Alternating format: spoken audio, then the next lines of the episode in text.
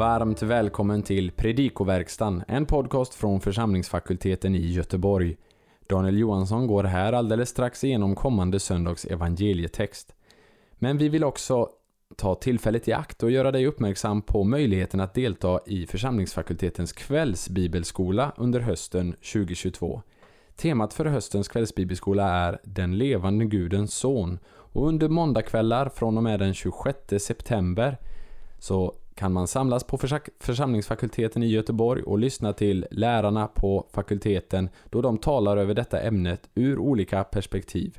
Om du är intresserad av att veta mer om detta så kan du hitta information och schema på www.ffg.se och du kan också anmäla dig till denna. Det behövs en anmälan till info ffg.se och denna här anmälan behövs göras senast den 20 september. Men nu en genomgång av kommande söndags evangelietext. Vi önskar dig god lyssning. Andra årgångens evangelium för fjortonde söndagen efter trefaldighet utgörs av Lukas 22, 24-27. Den är hämtad från Jesus samtal med lärjungarna under den sista påskmåltiden. Vår läsning inleds med en ovanlig konstruktion, egeneto de kai. Med undantag av andra Petrusbrevet 2.1 är detta enda gången den här konstruktionen förekommer och det gäller både Nya Testamentet och Septuaginta. Sannolikt är den till för att lyfta fram att och om vad lärjungarna tvistade. För att få fram det här kanske man kan översätta Det hände faktiskt också. Nästa ord, är filon eikia, är ett hapax legomenon i Nya Testamentet. Det förekommer bara här. Betydelsen definieras som citat en benägenhet eller önskan att argumentera eller bråka. Vi får översätta med dispyt eller tvist. Vidare i samma vers, artikeln to, gör om frågan tis auton dokei einai meitson till en nominativ sats som står i apposition till eh, filon eikia. Den inne, anger alltså innehållet i vad tvisten handlade om. Och vi kan då översätta om vem av dem som skulle anses vara den störste. Mateson är för övrigt komparativ av stor men har så som så ofta i koinegrekiskan superlativisk betydelse och vi får översätta med störst. Man skulle kanske förvänta sig att Mateson skulle stå i ackusativ eftersom det fungerar som objekt till verbet dokeo och inte i nominativ som ju är fallet. Det är dock inte ovanligt när ett explicit subjekt till infinitiven saknas, eh, som ju är eh, fallet här. Efter de här teknikaliteterna går vi vidare till vers 25 där vi kan konstatera att verbet eh, kyrievo, vara herre över, ta sitt objekt i genitiv. Därav auton genitiv. Eh, och på samma sätt är det med nästa verb exosiatso. Auton står det. Eh, I det här senare fallet har de svenska översättningarna uppfattat auton som en genitivbestämning till evergetai, välgörare. Eh, men det är nog inte riktigt utan det är direkt objekt till exosiatso. Den inledande satsen i vers eh, 26, Hymeis de ochotos, underförstår verbet vara. Men ni ska inte vara sådana. Och liksom i vers 24 har de båda komparativen i satsen H. Meitson och H. Neoteros superlativisk betydelse. Den störste respektive den yngste. Och detsamma gäller Meitson sedan i vers 27. Samtalet om vem som är störst äger alltså rum i övre salen under påskmåltiden. Jesu instiftande av nattvarden följs av tre episoder som alla framställer lärjungarna i en mycket negativ dager. Först avslöjar Jesus att en av de närvarande ska förråda honom. Det är verserna 21 23. Det avsnittet avslutas med att lärjungarna ställer frågan vem av dem det kan vara. Tis ara eje ex auton. Frågan som då inleder vår text i vers 24 är lik denna Tis auton dokei einai meitson. Diskussionen om vem som är störst följs sedan av Jesu avslöjande att Petrus ska förråda honom. Det är i verserna 31 34. Alltså i alla de här tre eh, ställena så framställs lärjungarna då i en, en negativ dager. Till vårt avsnitt, verserna 24 till 7, hör också eh, verserna 28 till 30. Och de står i stark kontrast både till lärjungarnas uppträdande eh, såväl som den ödmjuka tjänartjänst Jesus förväntar. Eh, I verserna 28 till 30 så utlovas en riklig belöning till lärjungarna. Riket ska tillhöra dem, de ska få sitta vid hedersbordet, ja de ska till och med få vara herrar så att säga, de ska få sitta på troner och döma Israels tolv stammar. Lukas har en gång tidigare berättat att lärjungarna diskuterade om vem av dem som var störst. Det är i 9.46 48. Då använder Lukas ett lite mer tillbakahållet substantiv, dialogismos, som betyder resonemang, diskussion. Här är det alltså frågan om en direkt dispyt. Den gången, det första tillfället, svarar Jesus med att ställa ett barn bredvid lärjungarna och förklara för dem att den minste bland dem eh, är eh, den störste.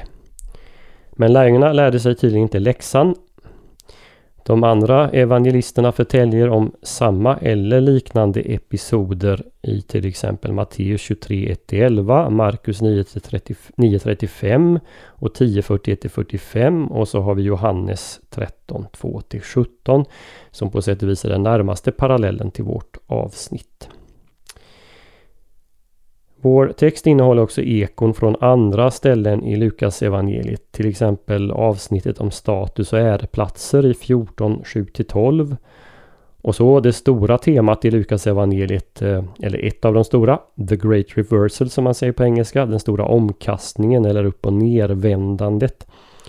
Eh, som vi möter på, på många ställen, bland annat 1, 51-53, 14, 11, 18, 14.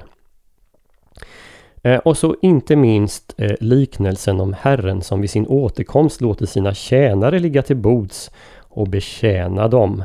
Eh, den liknelsen är ju nära parallell till framställningen här och den finner vi i Lukas 12, 35 till 37. Vi kan eh, göra följande indelning av texten. Eh, först en inledning som beskriver lärjungarnas kiv om vem som är störst, det är vers 24. Därefter beskriver Jesus hur situationen är i världen, vers 25. Och sedan, det tredje, så förklarar han hur det ska vara bland lärjungarna i vers 26. Och till sist, i vers 27, så framställer han sig själv som ett exempel. I sitt svar eh, på lärjungarnas bråk så börjar Jesus med att anspela på normaltillståndet i den antika världen, i den romerska världen hur kungar och andra med makt uppträdde. Det andra ledet där hoi exosiat sontes auton egertai kaluntai. De som har makt över dem kallar sig välgörare. Det ledet behöver en förklaring. Det var nämligen så att de välbeställda på varje plats förväntades vara eh, generösa välgörare och bidra med både tid och pengar i stadens eh, samhällets tjänst. Och i gengäld så slapp de att betala skatt. Men det betyder också att de rika blev legitimerade som de som mest förtjänade officiella uppdrag i samhället. Och eftersom statskassan i regel hade underskott så fordrades det ledare som hade möjlighet att betala och bidra. Alltså för att kunna styra fordrades rikedom. Bara de rika kunde vara ledare och som en konsekvens åtnjuta den heder och det avancemang i samhället som var reserverat för dem som gav generöst. Eh, en utförlig beskrivning av detta system och dessutom en utförlig diskussion av konsekvenser för rättfärdiggörelseläran och det nya perspektivet på Paulus finns i John Barclays bok Paul and the Gift eh, som jag rekommenderar till läsning. När Jesus nu då säger att det ska inte vara så bland hans lärjungar betyder det inte att lärjungarna inte kan vara styresmän eller välgörare utan att deras styre och deras välgörenhet måste vara av ett helt annat slag. De ska vara som Gud att ge utan en förväntan på att få något tillbaka. Och här får man jämföra med vad Jesus säger i 6.35 36. När Jesus också vänder upp och ner på invanda föreställningar att den störste ska vara som den yngste, ledaren som tjänaren, så torde han samtidigt anspela på Israels historia. Den är ju full av exempel på att Gud väljer den yngre framför den äldre. Jakob framför Esau i Första Mosebok 25. Juda framför sina äldre bröder i Första Mosebok 49. David framför sina äldre bröder, Första Samuelsboken 16. Och i Lukas evangeliet har vi ju Johannes döparens exempel. Han tjänar ju sin yngre släkting. Lukas 1, 36-45. Till sist i sitt svar tar Jesus sig själv som exempel. Han är ju den störste. Det antyds här. Han är deras konung, herre, lärare och så vidare. Och likväl är han mitt ibland dem som en tjänare, som en diakon som tjänar vid borden. Det är inte osannolikt att Jesus här anspelar på vad som redan skett i samband med påskmåltiden, men som bara Johannes berättar om, nämligen hur han tvättat deras fötter. Jag tycker inte heller det är osannolikt att Jesus här anspelar på framtida bordsgemenskap med sina lärjungar. Ett tema som utvecklas i berättelsen om Emmausvandrarna i kapitel 24. Det vill säga Jesus kommer framgent vara bland sina lärjungar för att betjäna dem vid bordet. Jesus förnekar inte i det här avsnittet att det kommer finnas ledare bland lärjungarna och i hans församling, men det handlar om hur denna tjänst ser ut. Det är ett ledarskap som är obekymrat om att samla på sig hedersbetygelser, utan istället reflekterar en ödmjukhet som hos dem som tjänar vid boden, de som står längst ner på den sociala skalan, de yngsta så hoppas vi att denna genomgång får bli till hjälp och välsignelse för dig som har lyssnat. På vår hemsida www.ffg.se kan du hitta information om hur du kan stödja fakultetens arbete, bland annat som genom den här podcasten. Ett sätt att stödja är att skänka en gåva genom Swish. Församlingsfakultetens Swish-nummer är 123 100 8457 Alltså 123 100 8457. Mottagaren som anges är Peter Isak Bens utbildningsstiftelse. Märk gärna gåvan FFG Podcast om du vill stötta just denna podden. Så önskar vi dig allt gott och Guds välsignelse.